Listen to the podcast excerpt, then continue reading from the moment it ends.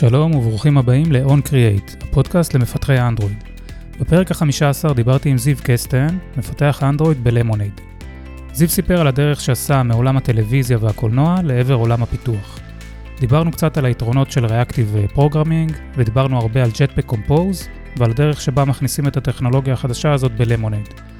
לפני הפרק עצמו, אני רוצה להזמין אתכם להירשם לניוזלטר השבועי שלי, עם תכנים מעניינים במפתחי אנדרואיד, כנסו ל-oncreatedigest.com. אז בלי הקדמות נוספות, On Create פרק 15 עם זיו קסטן, תהנו. שלום זיו. היי גיא, מה העניינים? בסדר גמור, מה שלומך? בסדר גמור, שמח uh, להתארח בפודקאסט. יפה, אז ברוך הבא ל-On Create, uh, בואו תציג את עצמך בבקשה. Uh, אז אני זיו קסטן, uh, מתל אביב, אני uh, מפתח אנדרואיד משנת בערך 2013, uh, והיום אני עובד בלמונייד, חברת ביטוח. אוקיי, okay, כן, אני מניח שמכירים את למונייד. בואו לפני זה באמת ספר לנו איך, איך התחלת, התחלת את עולם הפיתוח באנדרואיד או שעשית משהו לפני זה גם? אז אני בעצם, אני, אני הגעתי לתכנות באופן כללי בפרק ב' של החיים שלי, יש לי תואר בקולנוע, ואני עבדתי הרבה ב, ב, בתחום הקולנוע לפני, ש, לפני שעשיתי את המעבר, עבדתי בזגורי אימפריה, הנוער, הייתי צלם דוקומנטרי, יש לי אפילו ערך ב-IMDb, ואני הכרתי את בת זוגי בתחום הזה של ההפקות קולנוע, וכשהתחתנו החלטנו שאחד מאיתנו צריך למצוא מה שנקרא עבודה אמיתית, ולא עבודה של 16 שעות ביום, יום, לילה, בלי שום גבולות. אז אמרתי, אני, אני אחפש איזה משהו אחר, ולא ידעתי מה לעשות. וככה הסתכלתי מסביב, אמרתי מה אני אעשה, אולי אני אהיה קופירייטר, אולי אני אלמד משהו. איכשהו התגלגלתי לאיזה מודעה של ג'ון ברייס, שאמרו בוא תעשה מבחן בחינם ונגיד לך במה אתה טוב. אז הלכתי באמת לעשות את המבחן הזה, ואחרי המבחן ישבה איתי איזה מישהי שם ואמרה, סליחה, ואמרה אתה יכול בעצם לבחור מה שאתה, מה שאתה רוצה, אז שאלתי אותה מה, במה מרוויחים הכי הרבה כסף. אז היא אמרה, יש לנו, כן, הייתי, הייתי צריך לעשות, צודק. אז היא אמרה, יש לנו קורס לפיתוח מובייל, וזה היה ב-2013, וזה באמת היה תחום מאוד מאוד בוער באותו זמן. ואז החלטתי לעשות את הקורס הזה, זה היה קורס של שלושה חודשים, של אנשים ממש ממש חסרי ניסיון מ-0-0, כלומר אני לא כתבתי מילת קוד בחיי ולא לא עשיתי שום קורס בזה ולא כלום, ממש התחילו איתנו עם קלט פלט והבסיס של הבסיס, ואז קצת JavaScript, ככה לופים, if else, ואז עשינו איזה מין אתר כזה ב-jQuery, ומשם המשכנו לג'אווה ולאנדרואיד, וכל הדבר הזה במשך שלושה חודשים בערך.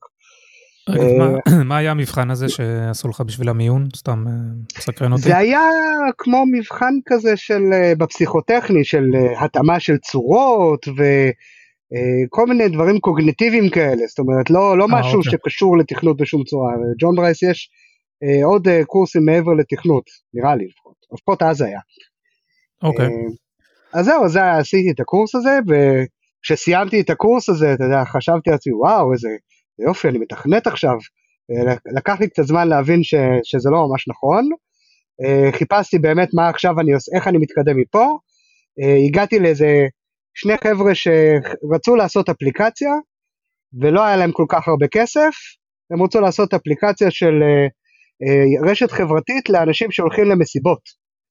קראו לזה פיזר, יש מצב שזה עדיין בגוגל פליי, ואתה היית okay. אוקיי. יכול לשלוח דוח על מסיבה כשאתה נמצא שם, והחברים היו רואים את זה, והיית אומר מגניב פה, מה ה vibe, מה המוזיקה. עכשיו אני לא ממש בן אדם של מסיבות, כן? אבל אתה יודע, עבודה זה עבודה, ואני נורא שמחתי לקבל את ההתנסויות. וזה היה ממש טבילת אש קשה בשבילי, כי הם היה להם איזשהו מתכנת backend שעשה להם איזשהו מין קצת צד שרת כזה, ואז הוא בא ואומר לי, טוב, תקשיב, הנה כאן, ככה, כאן יש את הכתובת שממנה אתה מוריד את היוזרים. ואני לא ידעתי REST, ואני לא ידעתי כל כך. איך בכלל, אה, איך, איך הקסם הזה של להעביר משהו ממחשב במקום אחר אל הטלפון שלי. זאת אומרת, היה על זה איזה משהו קטן בג'ון ברייס, אבל נורא לא עברו על זה מהר, ובגדול כתבו קוד ואמרו לנו להעתיק אותו. אה, אי אפשר להגיד שלימדו אותי איך, איך REST עובד, או מה זה הדבר הזה. הקטע שלימדו אותך להעתיק זה, זה משהו שעושים, אה, אתה יודע, מ Stack Overflow, זה חלק מהפיתוח, אז בקטע הזה דווקא עשו, טוב. זה מעולה, אבל זה צריך, זה צריך ללמוד בשנה השנייה או השלישית שלך. בהתחלה זה נהדר לעשות copy paste, אבל אז אתה בא לעשות משהו שהוא ממש דומה אבל בקצת שונה, ואתה כן. אבוד לחלוטין. והיינו צריכים גם לעשות שם צ'אט. התחלת את הפרויקט הזה אה, אחרי שסיימת את הקורס, כאילו ממש אחרי, או אפילו בזמן הקורס? כן, איזה חודשיים אחרי, חודשיים אחרי הקורס, משהו כזה. סיימתי את הקורס, עשיתי איזה אפליקציית מפות כזאת ששמתי בגוגל פליי, והתחלתי לשלוח את לחמי. זאת אומרת, איך עשיתי את זה? עשיתי גוגל, כתבתי uh, חברות uh, אפליקציה או פיתוח אפליקציות, ואת כל החברות שיצאו לי בגוגל, חיפשתי את האימייל שלהם ושלחתי להם מייל עם הקורות חיים שלי, שלא היה בהם שום דבר, כלומר היה להם קורות חיים של תחום קולנוע, ואת הקורס שעשיתי, וכתבתי איזה מכתב, היי, אני המפתח הבא שלכם, יש לי מוטיבציה, טה טה טה, דברים כאלה נחמדים, ומתוך, אה, אתה יודע, כל הדבר הזה, אז uh, השתי חבר'ה האלה עלו בחכה. ואז שם למדתי, אתה יודע, ממש על, על בשרי, דברים כאלה. Um, עשינו את זה כמה חודשים, אחרי כמה חודשים הם, אה, הם, הם, הם אמרו, טוב, אנחנו רוצים להמשיך, בוא ניתן לך אחוזים בחברה ו- וזה.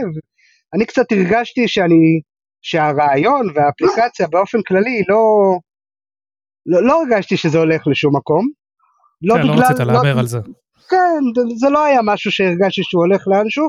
אמרתי, השגתי מזה לא מעט, נשרפתי שם, השתפשפתי שם, בוא ננסה לחפש עבודה בחברה.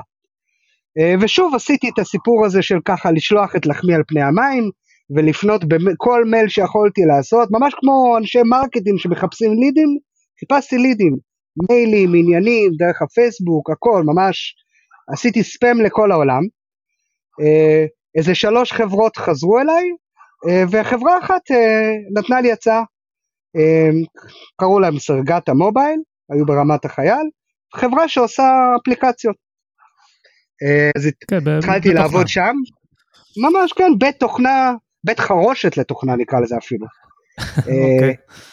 היה שם, היה שם איזה מנהל פיתוח אחד ואיזה כמה מפתחים, אבל חוץ מזה לא היה, לא היה בעצם שום מסגרת, זאת אומרת באו אליי, אמרו יש לקוח שרוצה את הדבר הזה, בגדול, אין מסמכים, אין ספקים, אין אפילו עיצוב, זאת אומרת יש אולי איזה סקרין שוט, ממש קובץ JPEG של בערך תעשה שזה ייראה ככה, ולך, זרום על זה, עוף על זה. ואתה ופה באמת, לא, היו שם כל מיני, אבל כל אחד עושה דבר אחד. עכשיו, היו שם עוד כמה חבר'ה של אנדרואיד, אבל ברמה, אתה יודע, ברמת התכנות שלי בגדול, אה, חוץ מאיזה בן אדם אחד שבאמת אני נעזרתי בו הרבה, אה, דור, דור סחייק קראו לו, אה, היום לדעתי הוא עובד בסלו פארק. ו... Okay. אוקיי. ובאמת ניסיתי לשאוב ממנו כמה ידע שיכולתי, והמנהל פיתוח, שהוא היה מפתח iOS בכלל, אבל ניסיתי, ניסיתי לשאוב ממנו גם הרבה, פתאום הייתי צריך לעשות משהו שנקרא גיט, לא כל כך ידעתי מה זה. עד אז זה היה פשוט כן. כזה לעשות save ולשלוח קובץ למיש, ללקוח וכאלה. אה, אז למדתי קצת אה, איך עובדים עם Git ועם Sourcetree. אה, וגם שם השתפשפתי על דברים ברמה של, אתה יודע, נגיד לא ידעתי לעשות דברים שיקרו אחד אחרי השני. לא ידעתי איך לקחת משהו מהשרת, וכשהוא חוזר, לעשות משהו. מה שקוראים אותו היום החבר'ה המנוסים callback. את זה, את זה לא היה לי בארסנל. אז הייתי עושה קריאת שרת, מחכה חמש שניות, בודק אם יש את המידע, ואם אין, מחכה עוד חמש שניות. וככה עשיתי את זה, עד, עד שמישהו בא ואמר לי, תקשיב, יש משהו שנקרא אינטרפייס וקולבק, ואתה יכול לקבל תשובה, ובתשובה ממש לעשות מה שאתה רוצה. אתה יודע, נפתחו לי העיניים, וזה היה הרבה השתפשפויות, ולדמם על קוד, ולעשות קוד uh, שהוא היום אם אני הייתי מסתכל עליו הייתי מתבייש בעצמי באמת. אני מניח שיש את זה לכולם, אבל כן, וגם צריך לעשות את זה. אז אחרי שנה וחצי ככה, אצרגתה נקנתה על ידי חברת זמינגו, שאני מניח שיותר אנשים מכירים אותה, היא הייתה בזמנו חברת בית התוכנה אחד הגדולים יותר בארץ ב-2015, 16, משהו כזה, שם כן, היו איזה 100 עובדים, ו- וזה באמת היה הרבה יותר מסודר, למדתי מה זה קוד ריוויו, שם היה לי את המנהל הטוב האמיתי הראשון שלי, אה, בן אדם בשם טל וייסבורד, היום הוא עובד בפייסבוק, אה, שלימד אותי חוק כל כך חשוב שאני לא יודע איך לא ידעתי אותו קודם, ואני משתדל להגיד אותו לכל מי שאני מצליח. הוא עשה איתי יום אחד איזה קוד ריוויו, והיה שם איזה קטע קוד, שלא משנה עושה איזה פעולה, והוא שאל אותי, תגיד, מה קורה בקטע קוד הזה? אז אני אומר לו, אה, זה לוקח את הדבר הזה והופך אותו למשהו אחר. אז הוא שואל אותי, איך הוא עושה את זה? התשובה שלי הייתה, אני לא יודע, אני העתקתי את זה מסטייק אוברפלו, וזה עובד. ואז הוא אמר לי, תקשיב, אף פעם אל תיגש ל code review כשיש שם קוד שאתה לא יודע להסביר. וזה נכנס לי לראש ממש עמוק, ומאז באמת אני, בכל pull request שאני פותח, אני תמיד עובר על הכל ואומר, אני יכול להסביר את זה? כן, אני יכול להסביר את זה. גם אם, דברים ש... גם אם זה דברים שבאמת העתקת מ Stack Overflow, אתה צריך לדעת איך הם עובדים. כי אם אתה לא יודע להסביר את זה, אז מחר יהיה לך באג, הוא יהיה, ברור שמרפי אומר שהוא יהיה בקטע קוד הזה, ואתה לא תדע למה הוא עובד. זה גם לא תוכל לתקן אותו. יותר גרוע מבאג, אתה יכול להכניס גם אה, בעיות אה, אבטחה וכל מיני דברים כאלה. נכון, בעיות אבטחה, או אתה יודע, אם אתה עובד בחברה, בחברה של פינטק, אתה יכול אפילו בטעות אה, לטעות בנתונים של אנשים, דברים ממש מסוכנים. כן, אז זה חוק, כן. חוק חשוב, הוא לימד אותך. חוק חשוב, באמת, שלמדתי שם. ואחרי אני חושב ששם עבדתי שנתיים. רגע, וכל פעם נתנו לך פרויקט אחר שם? איך, איך זה עובד? כן, זה חברת פרויקטים למעשה, חברת פרויקטים, אתה עובד על איזה פרויקט, חודשיים שלוש, עובר לפרויקט הבא, לפעמים אתה עובד על כמה פרויקטים במקביל, היו לי תקופות שהיו לי אה, שלוש או ארבע פרויקטים במקביל, שבכל אחד מהם נגעתי ב, ברמות שונות של אינטגרציה, פה אני רק מתקן באגים, פה אני באמצע של כתיבת פיצ'ר, פה אני משנה איזה משהו של UI, הרבה דברים אז... במקביל קורים. רגע, אז אמרת אה, שרצית לברוח מהעבודה של 16 שעות, יום ולילה מהקולנוע, ולא לא הגעת לאותו מקום ו... בעצם, או שהיה יותר רגוע? האמת שתראה, 16 שעות, לא באופן קבוע, תראה, כן. עולם הקולנוע זה עולם אחר. בעולם הקולנוע, אה, יום עבודה מתחיל ב-12 שעות. זאת אומרת, מתחיל. זה המינימום של יום עבודה. כשלרוב הוא מתארך לשעה 13 ו-14, אשתי עדיין עובדת בתחום הזה, אני חווה את זה כל הזמן. אה, וואו. אצלנו בתחום, אתה יודע, רוב הזמן כשאתה עובד רגיל ומסודר, אין סיבה שתעבוד יותר מ-9-10 שעות ביום. אין סיבה. נכון שלפעמים יש פיקים ובאמת עובדים יותר ובשעות לא, לא שגרתיות, אבל זה, זה צריך לקרות בפיקים. ב- ביום יום של העבודה אין סיבה שתעבוד ככה.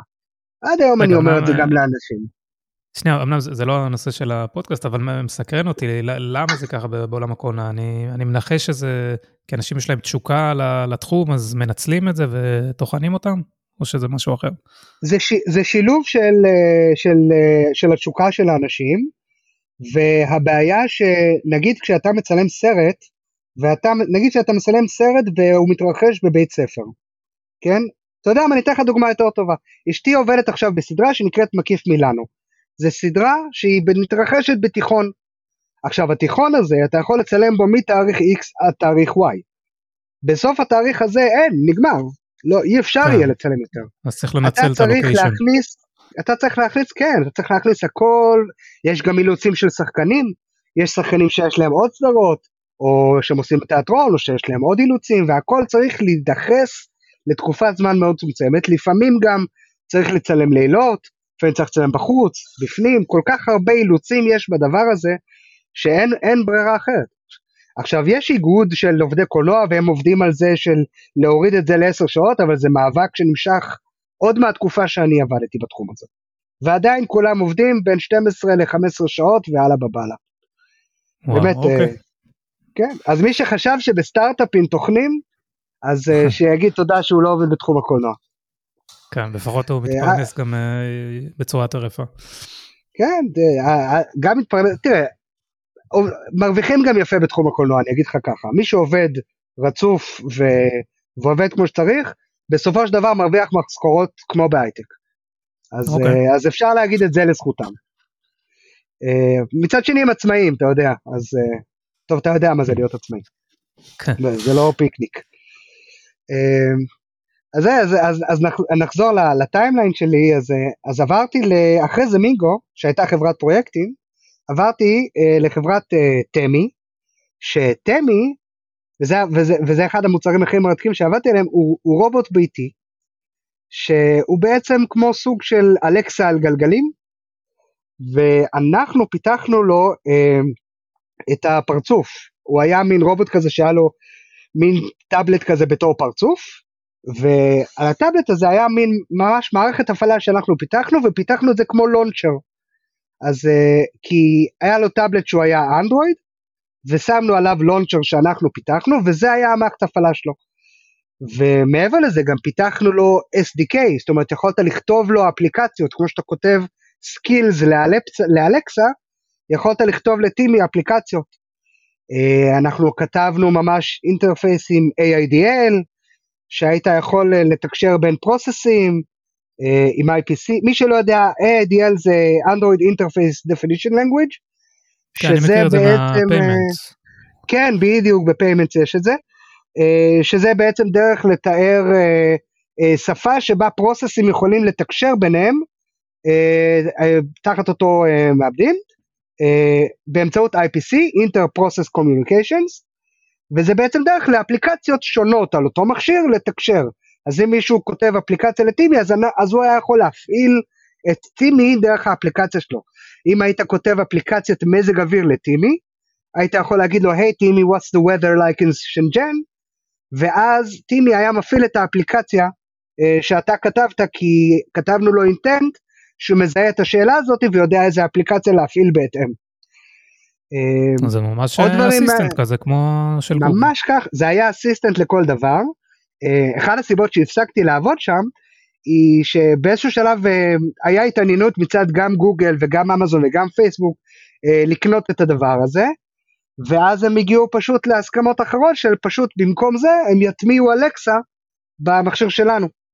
Uh, כי היה לו עוד הרבה דברים מעבר ללונצ'ר שלנו, היה לו ליידר והיה לו תנועה אוטונומית במרחב ועוד הרבה הרבה דברים, ובסופו של דבר מה שאנחנו פיתחנו, בחלקו הגדול הוחלף על ידי אלקסה פשוט.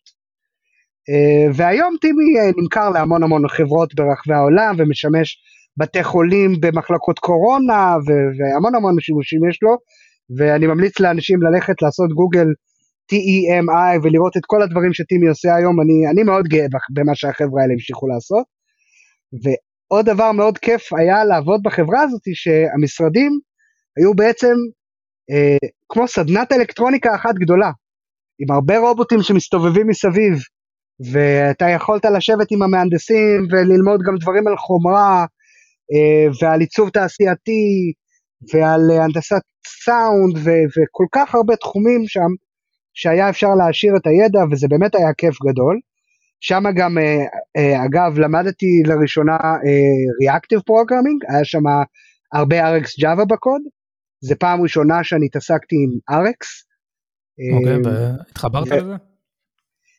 אז בטימי לא כל כך, בטימי היה לי קשה מאוד להתחבר לזה, ובעבודה הבאה שלי אחרי זה, הכל היה reactive והכל היה RX, לא רק חלקים קטנים, ושם אני ממש עשיתי paradigm shift בראש, והתחברתי לזה בצורה כזאת שהיום כבר קשה לי לחשוב לא reactive.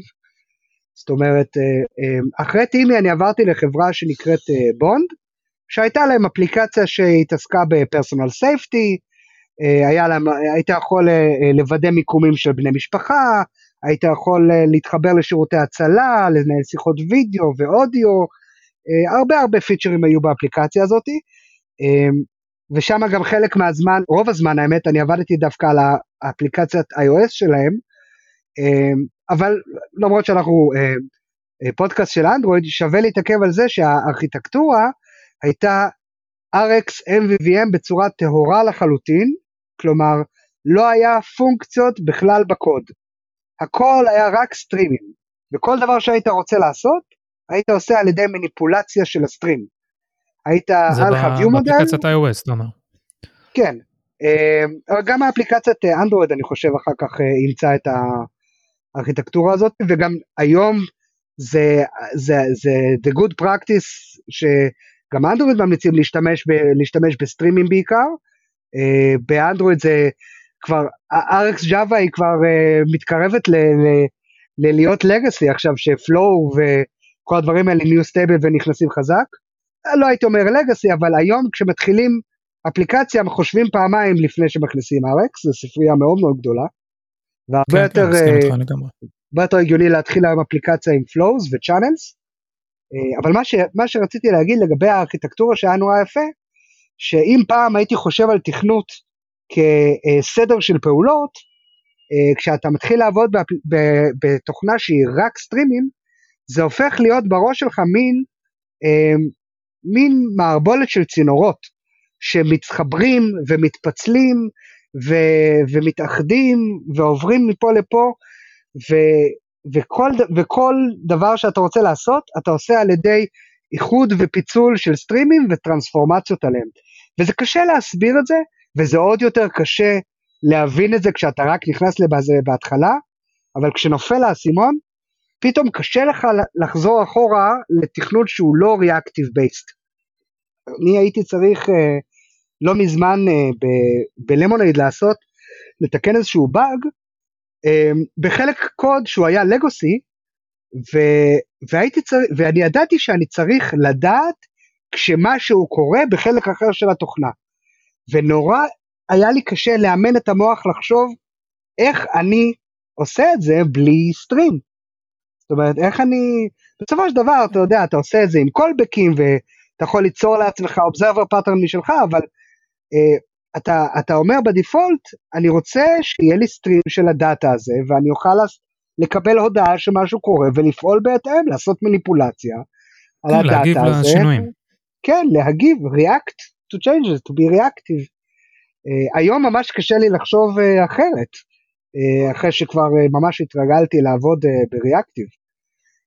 כן, אני חושב שגם uh, חלק מאוד קשה זה להקים את התשתית של זה, את הבסיס, אבל ברגע שיש לך את זה ואתה צריך לא יודע מה, להוסיף איזה פיצ'ר ולהאזין לעוד איזה מקור מידע או משהו כזה, זה כבר נהיה יחסית יותר פשוט ברגע שיש אה, תשתית טובה. אה, נכון, נכון, אני מסכים, ואני גם חושב שגם בקוד בייסים שיש להם אה, בתוכם לגאסי, זאת אומרת, יש אפליקציות שנכתבו כבר ב-2014, 2015, ועד היום רצות, אז נכון, חלק מהקוד הוא עוד כתוב בג'אווה, והוא יחסית מיושן, ועם קולבקים, אבל אין סיבה שכל חתיכת קוד חדשה שתכתוב, אפשר לכתוב אותה בקלות בארכיטקטורה של MVVM, עם flows ועם צ'אנלים, ובקוטלין ועם כל הדברים האלה. בלמונייד יש לנו הרבה קוד בג'אווה, אבל קוד חדש כותבים בקוטלין, וכותבים לפי best practices של קוטלין.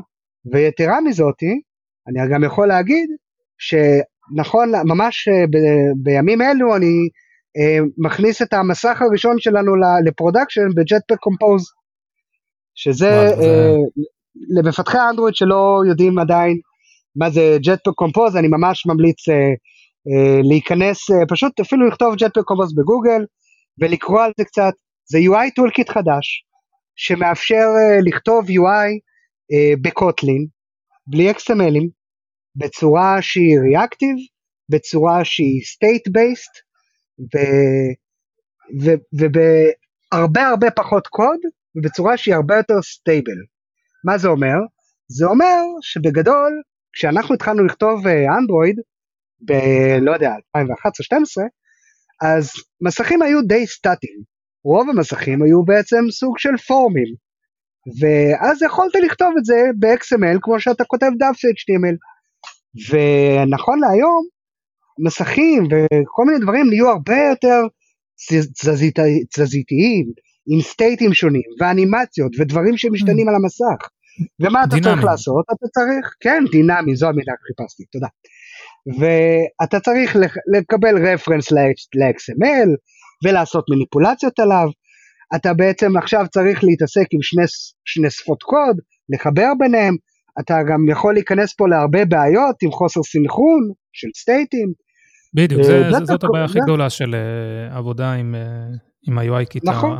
הרגיל, שבאמת אתה משכפל נכון. את ה state, גם יישב אצלך ב- view model או איפה שזה לא יהיה, וגם uh, ב-view עצמו, uh, אם זה edit text או כל דבר אחר, הוא מחזיק את ה state משלו, אז uh, לפעמים יש בעיות סינכרון. בדיוק, ומאוד קשה לעבוד ככה. אפשר, אפשר, לעש... גם אם אתה מסדר את זה יפה בארכיטקטורה שלך, ב state והכל, כל עוד אתה מחזיק את זה בכמה מקומות, זה יוצר בעיה. ו Jetpack Compose אה, מזכיר הרבה את המודל של React, מי שמכיר, או SwiftUI, מי שבא מעולמות ה-iOS, נורא דומה. כן, ההגדרה ועל... של זה זה Declarative UI, זה... Declarative UI. Declarative UI מול Imperative UI. ומה שיפה ב-Declarative UI זה שצריך הרבה פחות קוד כדי לעשות את אותו דבר. אתה בעצם נותן חלק מהאחריות שלך לסיסטם, ואתה אומר, אני אכתוב את המינימום האפשרי, וייתן לסיסטם לעשות את כל שאר הדברים הדפולטיביים. זה נורא מזכיר את ההבדל בין uh, overflows של, של פונקציות בג'אווה ל-default values בקוטלין. מה זה אומר? זה אומר שאתה יכול uh, לכתוב uh, איזשהו component UI וממש לתת לה מינימום של פרמטרים, כי שאר הדברים כבר מוגדרים בצורה דפולטיבית, והם, אה, והם יתרנדרו על המסך גם בלי שתצטרך להגדיר כל דבר קטן בקומפוננטה שלך. אה, בג'טפק קומפוז יש לך הרבה קומפוננטות מוכנות, טקסט, בטן, אייקון ועוד הרבה דברים שאתה יכול לבנות עליהם ואתה יכול להרחיב אותם, אה, אבל זה צריך גם קצת paradigm shift, כי קומפוננטת UI ב Jetpack Compose היא לא class, היא פונקציה.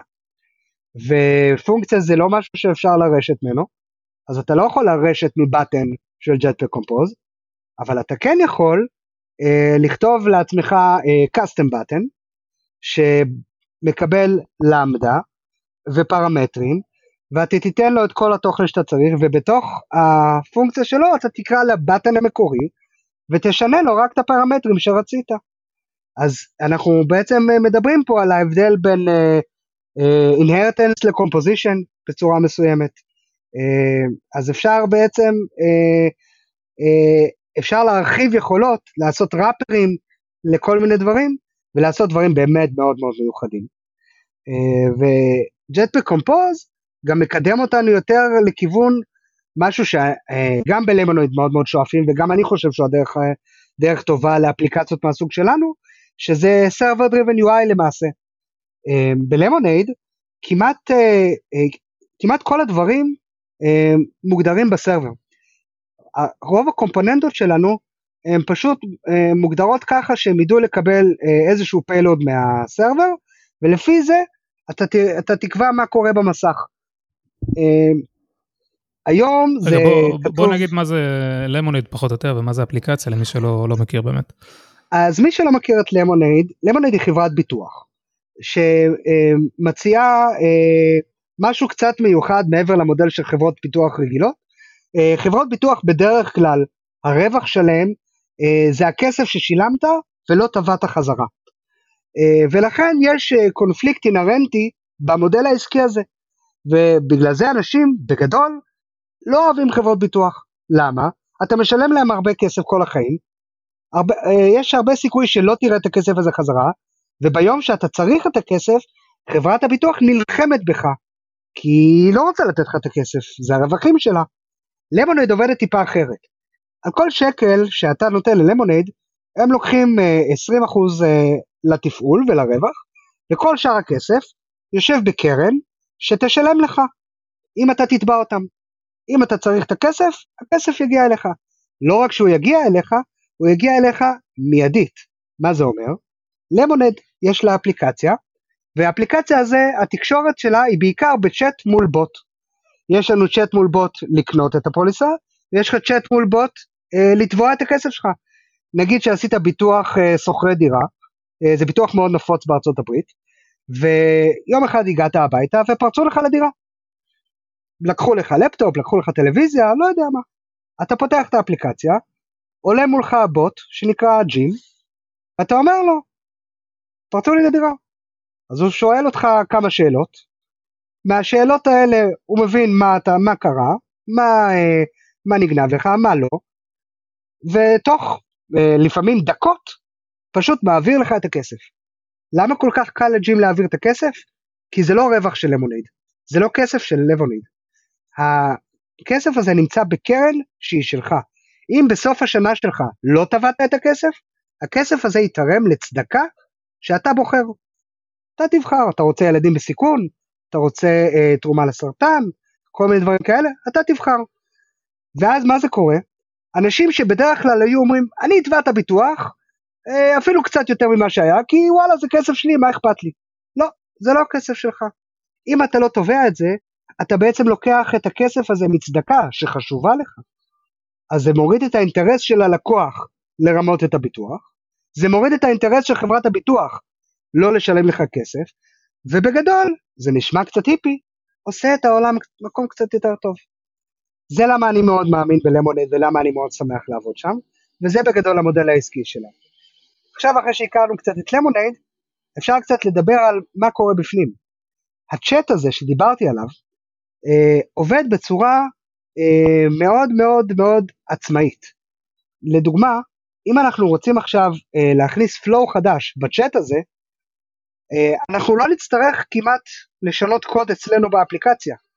יש לנו אה, קוד שיודע לפרסר ריספונסים ספציפיים מהשרת, לפי הריספונסים יודע מה להציג למשתמש, אה, הצ'אט הזה הוא לא רק אינפוטים של טקסטים, יכול להיות שג'ים רוצה לדעת תאריך מסוים, אז הוא יקפיץ לך date picker, יכול להיות שהוא רוצה לדעת כתובת, אז הוא יקפיץ לך text field של autocomplete של Google Maps, יכול להיות שהוא רוצה חתימה שלך, אז הוא יקפיץ לך view שבו אתה יכול לחתום. כל הדברים האלה זה דברים שהמערכת מכירה, והבקאנד יודע להפעיל אותם על ידי פיילודים מאוד מאוד מסוימים. וכל האינפוטים האלה שאנחנו הגדרנו למערכת הם עצמאים, ואם עכשיו נרצה להכניס flow חדש בשיחה, אז כל מה שהבקאנד יצטרכו לעשות זה להרכיב את, ה, את הפיילודים הנכונים, ו, וזה פשוט יעבוד. אה, אז נכון ו... שמדי פעם צריך להכניס עוד אינפוטים חדשים, או לשנות דברים קטנים, אבל כן, בגדול... יש לי, יש לי שאלה בעניין הזה באמת, לגבי כן. uh, backward compatibility. נגיד הכנסתי עכשיו קומפוננטה חדשה שקליינט ישן uh, לא מכיר. איך אתם uh, מתמודדים עם דבר כזה? מה הכוונה קליינט כן. ישן? נגיד אני, יש לי גרסה מסוימת של אפליקציה שלא מכירה את ה... לא יודע מה, את הקומפוננטה החדשה של לבקש תאריך, נגיד. ועכשיו אני באמצע flow, שפתאום השרת אומר לי, אוקיי, אני עכשיו צריך את ה component הזאת של אה, לבקש תאריך, אבל ה client הזה, הגרסה הזאת של האפליקציה, לא, לא מכירה את זה. אז, אז אה, פלואים חדשים, כן, כן, כן, אז, אז, אז פלואים חדשים, שהם בעצם חלק מאיזשהו פיצ'ר חדש שהוספנו לאפליקציה, אה, יהיה זמין רק מגרסה מסוימת של האפליקציה. כלומר, אתה תצטרך... אה. אז ל flow ישן ששיניתי אותו. לא, אנחנו לא משנים flow ישנים. flow ישנים אה, אה, נשארים אוקיי. אותו דבר, ואם יש flow חדש, זה בעצם אה, איזשהו פיצ'ר חדש שהכנסנו. זאת אומרת, אפשרויות חדשות למשתמש. כדי לקבל את האפשרויות החדשות האלה, אתה תצטרך לעדכן את האפליקציה. בשרת אנחנו, אנחנו אומרים אה, בעצם מגרסה כזאת וכזאת אתה שולח את ה payload הזה, ומגרסה כזאת וכזאת אתה שולח את ה payload הישן. אנחנו תמיד מתאמים את הפיצ'רים שלנו לפי גרסאות אה, כדי, ש, כדי שהמשתמשים בגרסה מסוימת יקבלו את הפלואים שמתאימים להם. עכשיו, אה, אם אה, נוסף נגיד ביטוח חדש, אנחנו עוד מעט עומדים להשיק ביטוח חדש, ביטוח מכוניות, ביטוח רכב. משתמש שירצה להשתמש בביטוח רכב, פשוט יצטרך לעדכן את האפליקציה. אין מה לעשות. כן, כן, לא, אני יודע, אני פשוט חשב, ברגע שלא מעדכנים פלואים ישנים, אז זה פותר את הבעיה הזאת של Backward Compatibility. נכון, אבל יש, אני כן אענה לך, אני אגיד לך עוד תשובה על זה, יש דברים שהם גנריים ברמה הזאתי, שאתה כן יכול להשתמש בהם. מה זאת אומרת? נגיד שג'ים רוצה לדעת ממך אה, כמה פרטים, הוא רוצה שתמלא איזה פורם, הוא מקפיץ לך את הוויו הזה של הפורם.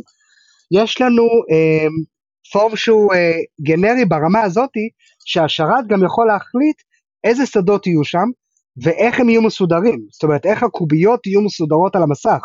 שלוש uh, טקסטים בשורה העליונה, טקסט תאריך בת, בתחתון, מתחת לזה כפתור, זאת אומרת השרת כן יכול לבנות קומפוננטה, כי הקומפוננטות שלנו הן מפורקות, ואז השרת יכול להרכיב ממש view על האפליקציה מ-view בסיסיים שיש באפליקציה. Uh, קראנו לזה, קראנו לזה simple form, למרות שהוא כבר מזמן לא כל כך simple. אז uh, אם, אם, אם, אם ג'ים רוצה לדעת uh, כתובת, כתובת שם ולא יודע, relation של מישהו למישהו או של משהו למשהו, אז השרת יכול להגיד לי אה, להרכיב את הדברים האלה מקומפוננטות קיימות.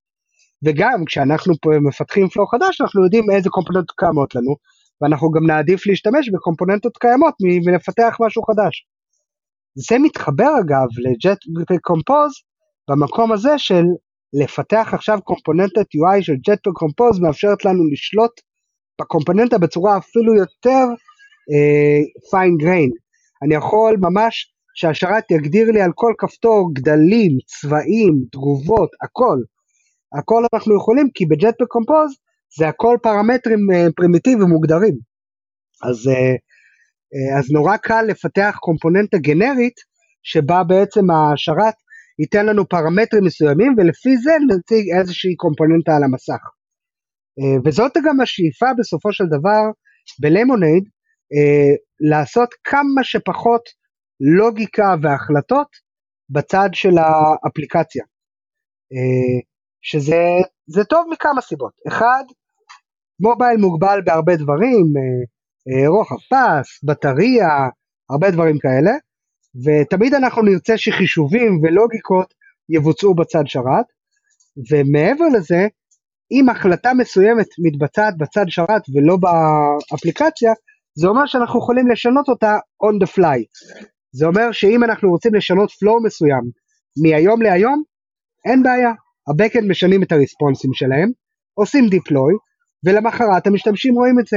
ואם זה היה קוד שנמצא באפליקציה, אז צריך לחכות לריליס הבא, מחכים ספרינט, זה יכול לקחת שבועיים, אולי יותר, אולי לוקח זמן לאשר, יש הרבה בעיות כאלה גם. כן, ולכן סרבר דריבן UI... את, את ה secret sauce בדרך כלל רוצים להשאיר בשרת, את, את הליבה, את הלוגיקה הכבדה, גם מטעמי אה, סוד אה, מקצועי תקרא לזה, לא יודע. נכון. עוד, עוד סיבה. נכון, עוד סיבה מאוד חשובה, באמת. כמה שפחות אה, לוגיקה ב front-end, תורם לזה שיש לך מוצר יותר אה, יציב בסופו של דבר. ותגיד רגע, בצוות של iOS אה, משתמשים ב SwiftUI? אז הם לא יכולים עדיין להתחיל להשתמש ב SwiftUI, בגלל שהם צריכים uh, להרים את גרסת המינימום של uh, iOS ל-14 לדעתי. היופי ב Jetpack Compose זה שהוא תומך אחורה ל Lollipop, ל-21, API 21. ואפליקציות uh, היום, אני חושב שמעט מאוד אפליקציות היום תומכות בפחות מ Lollipop, כי שמה ב Lollipop באמת היה שינוי מאוד מאוד גדול.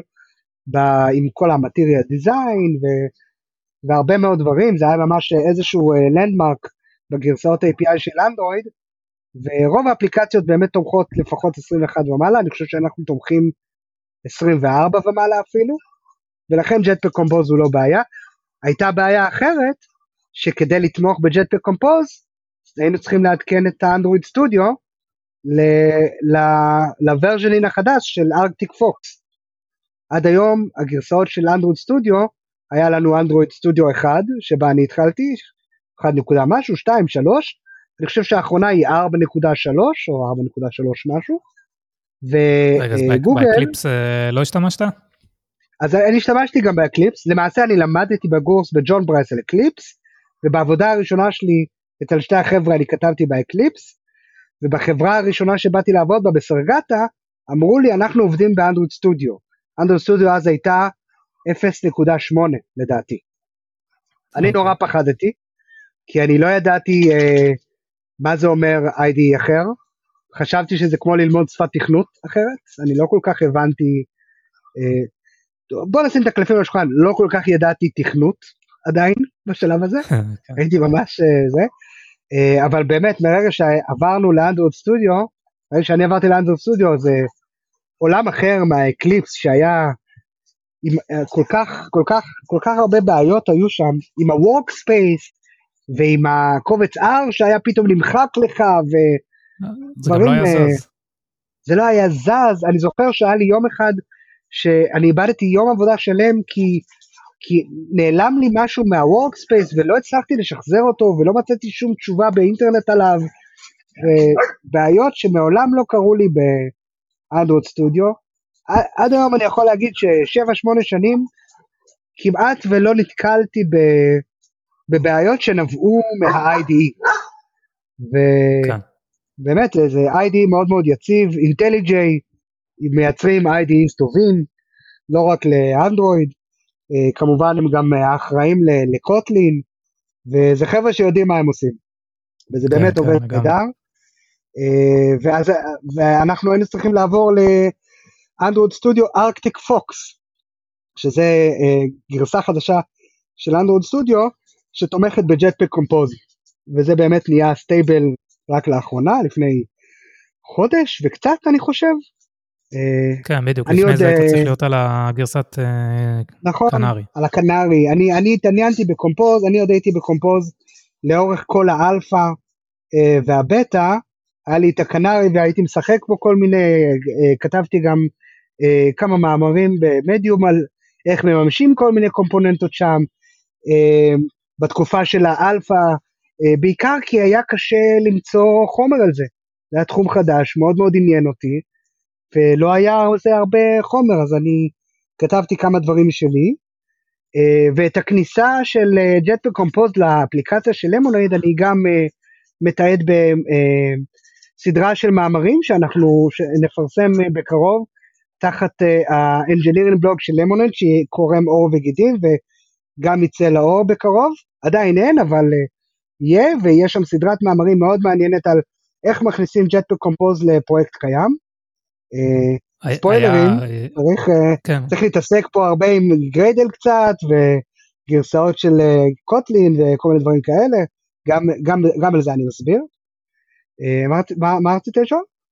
אה, רציתי לשאול אם היה קל או קשה לשכנע את ההנהלה, או מי שהיה צריך לשכנע בשביל אה, להכניס את זה בעצם. היה אה, קל להפליא. אנחנו צוות אנדרואיד של שישה אנשים, והצוות ה, הצוות R&D בכללי מאוד תומך בהכנסה של טכנולוגיות חדשות, ו- וב- ובהחלט פתוח לכל מיני דברים כאלה. אנחנו ב, אה, בצוות אנדרואיד אה, לאחרונה הכנסנו את Hilt ל-production. אה, עד, עד לא מזמן בכלל לא היה לנו dependency injection בפרויקט בכלל. רוב הפרויקט היה כתוב ב-Java עד לא מזמן. ורק הפיצ'רים, היה get instance וכאלה לכל מיני... היה? כן, הרבה סינגלטונים. אני רוצה, אני אגיד לך עכשיו גם משהו שאתה אולי, אה, אה, אולי תתפלא, אה, איזה, איזה, איזה ספריית networking לדעתך אנחנו משתמשים? אה, מקווה ש-Retrofit. אז אני אפתיע אותך, Volley. וואלה, זה אתם. זה, זה אנחנו שעדיין משתמשים ב-Volley, אבל, הנה הסייג שלי, גם זה אנחנו כבר אה, אה, עובדים לקראת אה, שינוי, ואנחנו רוצים להכניס, כבר אנחנו החלטנו לדלג על Retrofit, ואנחנו הולכים לכיוון Ktor, וזה בשביל אה, כיוון כללי לעתיד, מאוד כללי, של אה, cross multi? platform, כן. אה, Ktor בהחלט יאפשר לנו אה, לעשות את זה. אה, יש הרבה התנגדות מצד אה, צוות ה-iOS כרגע, אבל לא אה, מפתיע. לא מפתיע בכלל, אה, אבל אנ- אנ- אנחנו דוחפים לשם, ואנחנו באמת מקווים שככל ש-KMM יהיה יותר ויותר stable, נצליח להכניס אה, כמה קומפוננטות אה, לכיוון הזה. כש-Ktor יהיה בפנים יהיה קל מאוד אה, באמת לתפעל את כל ה-networking אה, באותו מקום, כי למעשה שכבות ה-networking הן זהות ב-iOS ובאנדרואיד, זה אותם API כתוב פעמיים. אז Ktor בגדול אה, זה אה, שכבת networking ש, אה, שהיא כתובה ב-Kotlin, ובאמצעות Ktor אה, אפשר בעצם לכתוב קומפוננטת networking שאפשר לשתף על ידי Kotlin Multiplatform גם לאנדרואיד וגם ל-iOS. ובאפליקציית iOS ואפליקציית אנדרואיד שעובדות מול אותו backend, ה-API הוא תמיד זהה. ה-endpointים הם אותו endpointים, ה-payloadים הם אותם payloadים, וה, וכל המודלים, כל המודל הזה כתוב בעצם פעמיים, פעם אחת ב-Swift ופעם אחת ב-Kotlin. ואם משתמשים ב-Ktor, אה, אין הרבה סיבה לעשות את זה. בהחלט קל לשתף את המודול networking שלך שמשתמש ב-Ktor כמודול נפרד גם באפליקציית iOS ולהשתמש בו. מה שצריך זה לשכנע את מפתחי iOS אה, קצת אה, להבין טיפה Kotlin ו, ולזרום לכיוון הזה. אני חושב שברגע שהם יכניסו Swift UI יהיה הרבה יותר קל. כי Kotlin Multiplatform בשילוב עם Compose ו-Swift UI יוצר לך באמת ecosystem שלם שהוא cross פלטפורמי ו-nativeי לחלוטין. וכל מי שיודע ומתעסק בקרוס פלטפורם יודע שלכל uh, פלטפורמה יש את העניינים שלה. Uh, לריאקט נייטיב יש את, הבעיה, את הבעיות שלה שזה טיפה לפעמים מרגיש וובי ויש לזה עוד כל מיני בעיות. פלאטר זה אחלה פלטפורמה אה, אבל א' היא כתובה בשפה שאנחנו פחות מכירים, זאת אומרת אה, אנשים צריכים להתחיל ללמוד דארט, אה, וב' יש לה בעצם הרבה פלאגינים שאתה צריך באמצעותם להתחבר לקומפוננטות המערכתיות, למצלמה, ל-GPS, לדברים כאלה, זה, יש לזה המון יתרונות, reload ודברים כאלה, אבל יש לזה גם חסרונות. קוטלין מולטי פלטפורם, בשילוב עם Jetpack Compose ו-Swift UI, בעצם נותן לך את the best of all the worlds. אה, גם היום יש כבר קונברטרים שיכולים להמיר סטרים של flow לסטרים של קומביין.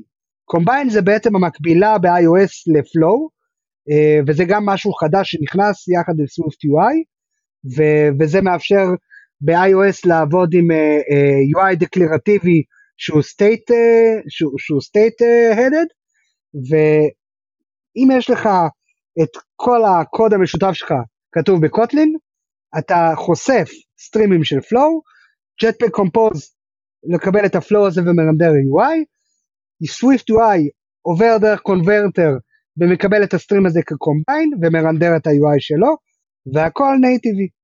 זה באמת, בעיניי, זה מרגיש כמו העתיד האמיתי של cross platform. נכון שכבר שנים אנשים אומרים את זה על כל מיני פלטפורמות, אבל נכון להיום זו דעתי. זה עדיין לא stable, KMM, KMM זה Kotlin Multiplatform Mobile, זה עדיין לא stable, אבל זה, יש הרבה חברות שכבר משתמשות בזה, אה, ב-production, וזה, וזה לדעתי משהו מאוד מעניין. מי שרוצה לראות איך זה כתוב, יש אפליקציות בגיטאב, אני חושב שאתה הזכרת אחת של אה, ג'ון אוריילי, שנקראת כן, People in Space. People in Space, נכון?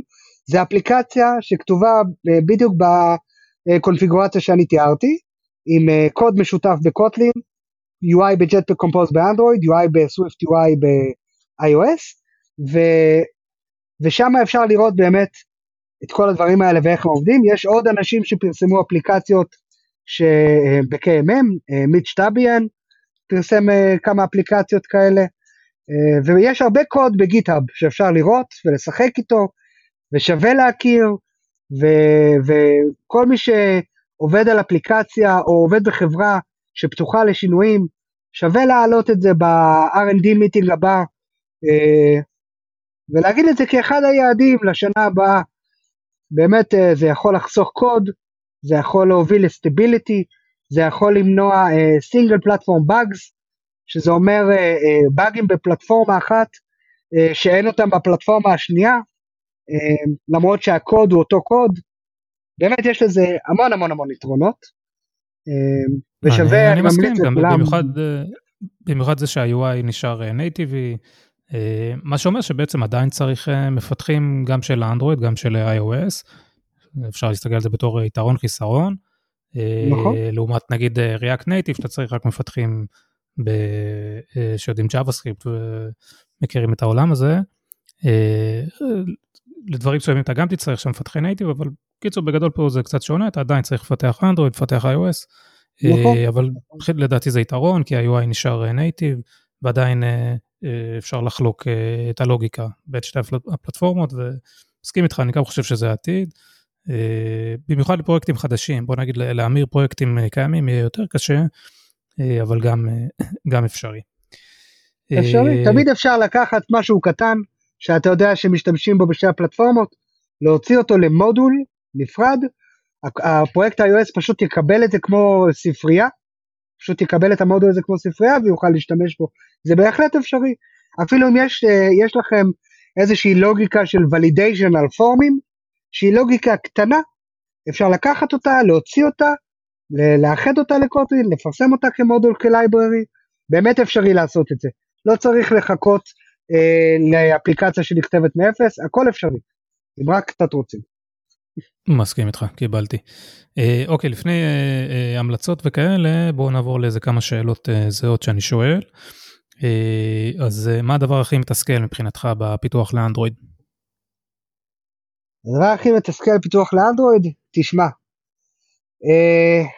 אני רואה לפעמים איך המפתחי front-end עובדים, כותבים קוד, מסתכלים על המסך, זה שם. מפתחי. אנדרואיד כבר שנים כותבים קוד, לוחצים על run, ואז הולכים לראות איזה סרטון יוטיוב של שתי דקות, או קוראים איזה מאמר, ואז כשזה כבר עולה על האפליקציה, לפעמים אתה צריך שנייה להיזכר איזה שינוי עשית. זה בעיניי, זה מחלה ש... שקשה, שקשה, שקשה להתמודד איתה בפיתוח למובייל, אגב, לא רק אנדרואיד, בכלל למובייל. כן, אני, אני מסכים, למרות אה, שב-Jetpack Compose לפחות ה-preview הוא אינטראקטיבי ויש שם קצת אה, יתרונות בעניין הזה. אה, לא רק ה-preview, אם אתה מחובר עם מכשיר לאנדרואיד סטודיו ואתה משנה משהו בקוד שלך, זה משתנה ב-live על המכשיר. זה, זה לא, מדהים לראות את זה. לא צריך לקמפל מחדש? לא, אתה יכול לכתוב נגיד, תגיד יש לך איזה משהו, אם יש לך איזה toolbar, ואתה משנה את הטקסט של ה toolbar, הטקסט משתנה לך ב live, אתה רואה אותו נכתב במכשיר. וואלה, אוקיי. לא, לא, לא אה, אני, אני רק חייב לסייג ולהגיד שזה זה כשהכל עובד בצורה אופטימלית. כרגע, נכון להיום, חלק גדול מהזמן באמת צריך לפעמים uh, לעשות איזה build לפני שהדברים האלה עובדים, אבל זה, זה כן עובד לפעמים וזה כן הכיוון. אז בג'טפק קומפוז okay. אוקיי. באמת ה, אפשר לעשות את זה ב-UI, אבל כל דבר שאתה צריך uh, לקמפל בשבילו את הקוד זה, אתה יודע, לפעמים אני uh, רק uh, שיניתי איזה משהו.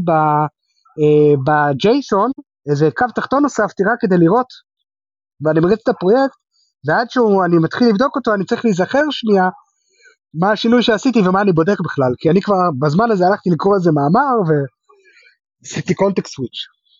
כן, כן, מסכים איתך, זה באמת זה אה, מחלה, כן. אה, אוקיי, שאלה הבאה, האם יש לך איזו אפליקציה פרטית ב Play Store? אה, לא, היה לי, היה לי פעם את האפליקציה של ג'ון ברייס, של המפות, אבל מזמן מחקתי אותה כי זה קצת היה מביך. אה, יש לי אה, ב GitHub כמה אפליקציות, אבל לא, ב, לא ב Google Play, אה, לא ראיתי אף פעם סיבה להתעסק עם זה, תמיד עבדתי בחברות שהיה להם אפליקציות. כל מיני כאלה. אה, אתה יודע, לפעמים אה, סתם אתה עושה איזה משהו שפותר איזה בעיה קטנה לעצמך, ווואלה, אולי מישהו אחר גם ירצה את זה. אז, אז האמת היא, גם כשעשיתי כזה. דברים כאלה, אז, אז, אז עשיתי, שמתי אותם בגיטאב, ולאו דווקא בגוגל פליי. כי מה שמעניין אותי כשאני עושה דברים קטנים זה יותר הקוד ופחות מה רואים בסוף. פעם אחת עשיתי אפליקציה קטנטנה בג'טפק קומפוז, רק כדי להדגים קונספט שכתבתי עליו מאמר, אז, אז, אז אותה שמתי בגוגל, אתה יודע מה, אז, אז יש לי משהו כזה בגוגל פליי, זה פשוט בוטום uh, בר שמחליף בין אפליק, uh, אנימציות של uh, לוטי, אה, נראה לי שזה קיים בגוגל פליי על שמי. אה. אז זה לא אוקיי, עושה הרבה, אבל הקוד בגיטאב ומי שרוצה אה, מוזמן לראות. סבבה. מה הטיפ הכי חשוב למפתח או מפתחת מתחילים שרוצים להיכנס לשוק העבודה? דבר ראשון זה לפתוח GitHub ולהתחיל להכניס לשם דברים. אפילו דברים קטנים, אפילו, אפילו gistים gist זה קוד uh, snippet. אז להכניס uh, איזושהי פונקציה שעשית שאתה יכול להשתמש מכל מיני מקומות, תכניס שם אפליקציה קטנטנה שעושה משהו, תשים ב GitHub. תעשה, אל תנסה לעשות פרויקטים גדולים, אל תנסה לעשות אפליקציית פודקאסטים. Uh, אני אומר את זה מניסיון, אני התחלתי לעשות אפליקציית פודקאסטים והיא עדיין שוכבת לי חצי אפויה ב GitHub, אבל uh, תעשה משהו קטן. ניצחו, אי אפשר להחליף אותם. כן, לא, אי אפשר, אי אפשר. Pocket Casts זה המלכים של כולם.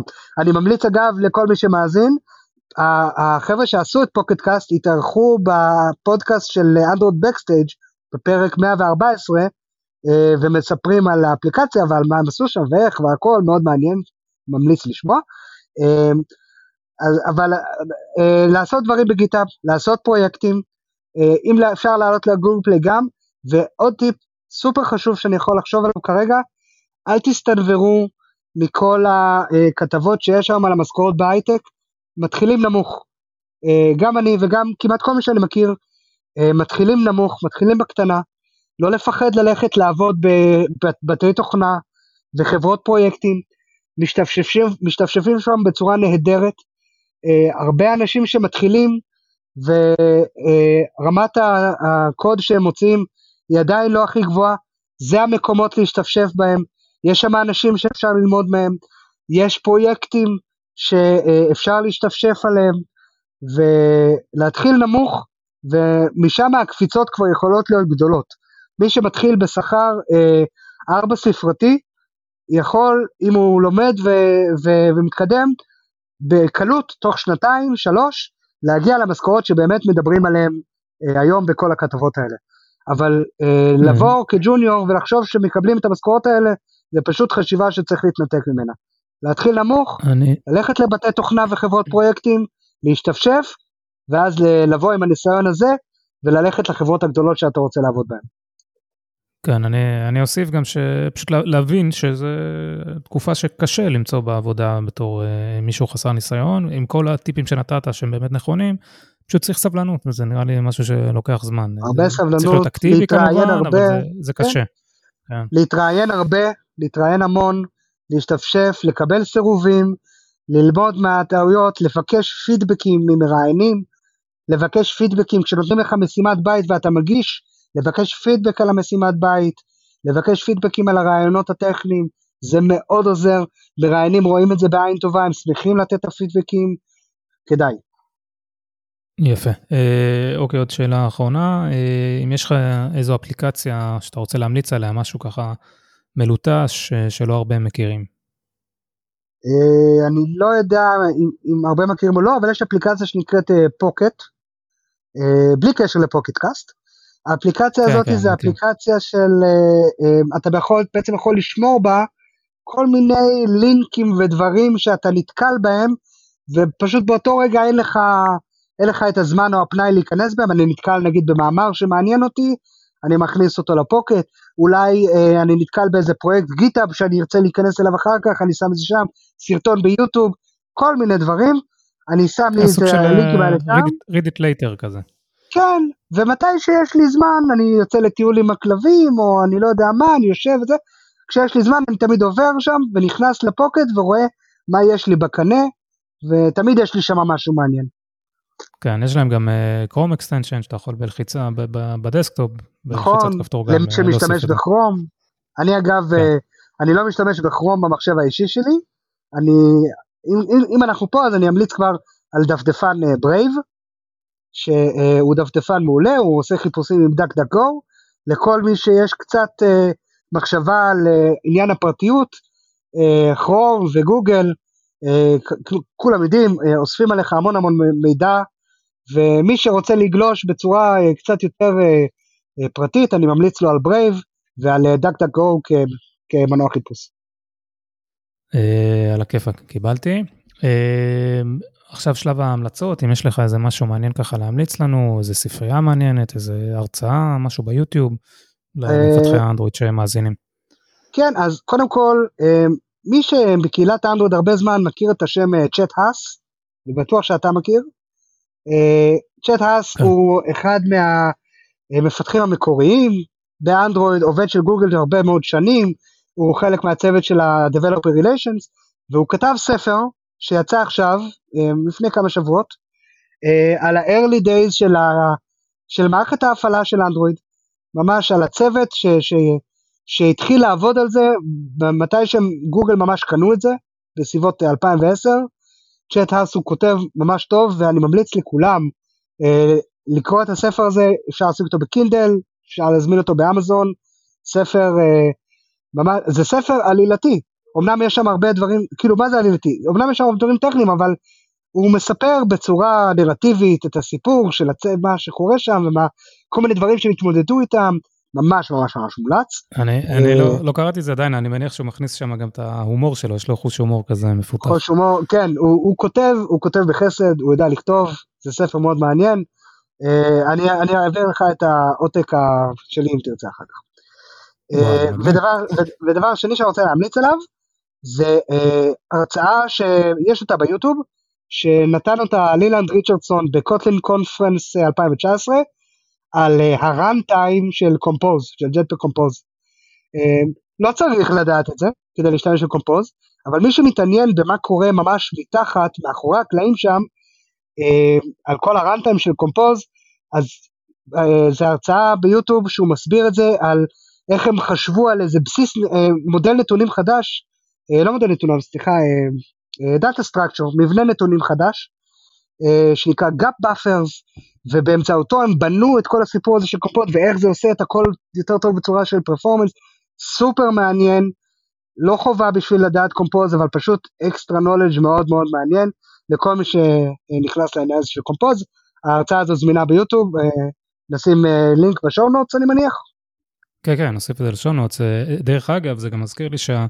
Jetpack Compose יכול לשמש אפילו לא רק ל-UI, יש משהו שנקרא Jetpack Compose, שזה התשתית הזאת שעכשיו תיארת אה, בגדול, mm-hmm. ו-Compose UI זה אה, מימוש אחד של התשתית הזאת, אבל אפשר להשתמש ביכולת הזאת, בטכנולוגיה הזאת, גם לדברים אחרים. אה, סתם דוגמה, אה, ג'ייק, ג'ייק וורטון עשה עם זה משהו שב console, אה, הוא מצייר שם איזה משהו בעזרת זה. נכון, אז זה לא חייב נכון. להיות רק... משהו נכון, באנדרואיד. זה, זה, זה לא רק, יש את Compose UI, זה ה-UI toolkit, אבל באמת Compose בבסיס שלה, אה, יש לה runtime מאוד מאוד מעניין. אה, ולמי כן, שאוהב לצלול את הדברים. אה, כן, לגרפים, עצים כאלה, כן. למצוא שם דיפים וכאלה, כן. בדיוק, נכון, נכון, נכון. כן, אז זה ההמלצות שלי. אה, סליחה, אתה יודע מה? עוד דבר אחד אני רוצה להוסיף. לכל מי שמחפש כן. תוכן לימודי של אנדרואיד, אני ממליץ על codingwithmitch.com. אה, מיץ' טביאן הוא בן אדם שמעביר אה, אה, טוטוריאלים וקורסים, יש לו הרבה הרבה דברים חינמים ביוטיוב, תוכלו לראות אותם, הוא מעביר את התוכן הזה בצורה מאוד נוחה ונעימה ואיכותית, בלי מבטא הודי, באמת, באמת כיף ללמוד ממנו, אני ממליץ לכולם להיכנס לקודינג with מיץ', מלא מלא תוכן על אנדרואיד, גם חדש, גם ישן, קלין אנדרואיד, סוליד, גם ג'ט קומפוז, גם KMM, הרבה דברים מעניינים. כן, הוא טוב, גם היה, פעם האזנתי לפודקאסט שלו, נראה לי הוא הפסיק אה, להוציא שם פרקים, נראה לי הוא מוציא רק ב- ביוטיוב אה, תכנים, אם אני לא טועה. נכון, הוא, יש לו רק, יש לו את זה, היה לו פעם פודקאסט, הוא כבר לא פעיל, הוא מתארח בפודקאסטים אחרים לפעמים. כן, כן, הוא באמת אחלה. אה, הוא אירח פעם את וסילי, וסילי זוקנוב מיודענו. כן, שהיה גם ב onCreate, נכון. נכון. אה, על הכיפאק, אז אני אתן גם איזו המלצה קטנה לאיזו ספרייה שנקראת Store, אה, שזה שייך ל Dropbox, אני חושב שזה התחיל בכלל מה New York Times, אם אני לא טועה. בגדול זה ספרייה שעושה סוג של אנקפסולציה, או אבסטרקציה נקרא לזה, למקור מידע, שאם אתה רוצה ש... אה, איך אני אסביר את זה? אתה רוצה לצרוך מידע ואתה לא יודע אם זה מגיע מה cache, מהשרת, מה database, אז יש משהו ש, שנקרא Store, שאתה בעצם אה, עוטף את המקור מידע הזה, ואתה אומר לו איך אתה רוצה אה, לשמור את זה ל database, או, או לשלוף את זה משם, איך אתה רוצה אה, להשתמש ב cache, כל מיני דברים כאלה, והוא עושה את זה בצורה מאוד אה, נוחה ופשוטה, אה, במקום שתצטרך אה, לממש את זה בעצמך, את כל העניינים האלה, אז הוא עושה, אה, מסדר את זה בעצם בצורה אה, שדי נוחה לשימוש. אה, אז אני אתן לינק לזה. הם, הם מגדירים את זה Kotlin Library for Async Data Loading and Caching. זאת ההגדרה, ה tagline שלהם. יפה מאוד, זה של עידית בויאר, לא? הוא, הוא גם תרם שם קוד, אבל הוא לא ה main contributor. מאוד כן, מעניין. גם, הוא גם, גם שם שם קוד. סוג של מידיאטור בין נטוורק וקאשינג. כן, וה-UI, ומי שצורך את המידע הזה. מאוד מעניין.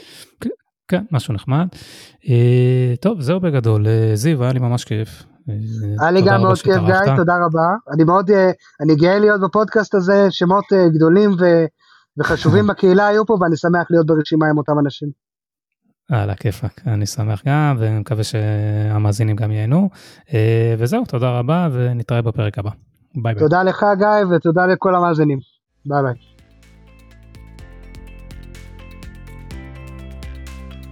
אני מקווה שנהניתם מהפרק של On Create. אתם מוזמנים לשתף את הפודקאסט, להירשם אליו ולדרג אותו באפליקציית הפודקאסטים המועדפת עליכם. אתם יכולים גם לעקוב אחרי דף הפייסבוק של התוכנית, חפשו On Create פודקאסט בפייסבוק. אם יש לכם הצעות לשיפור, רעיונות ושמות של אורחים שכדאי לי להזמין, אתם יכולים ליצור איתי קשר במייל oncreatepod@gmail.com, בדף הפייסבוק של התוכנית או בפרופיל האישי שלי בפייסבוק.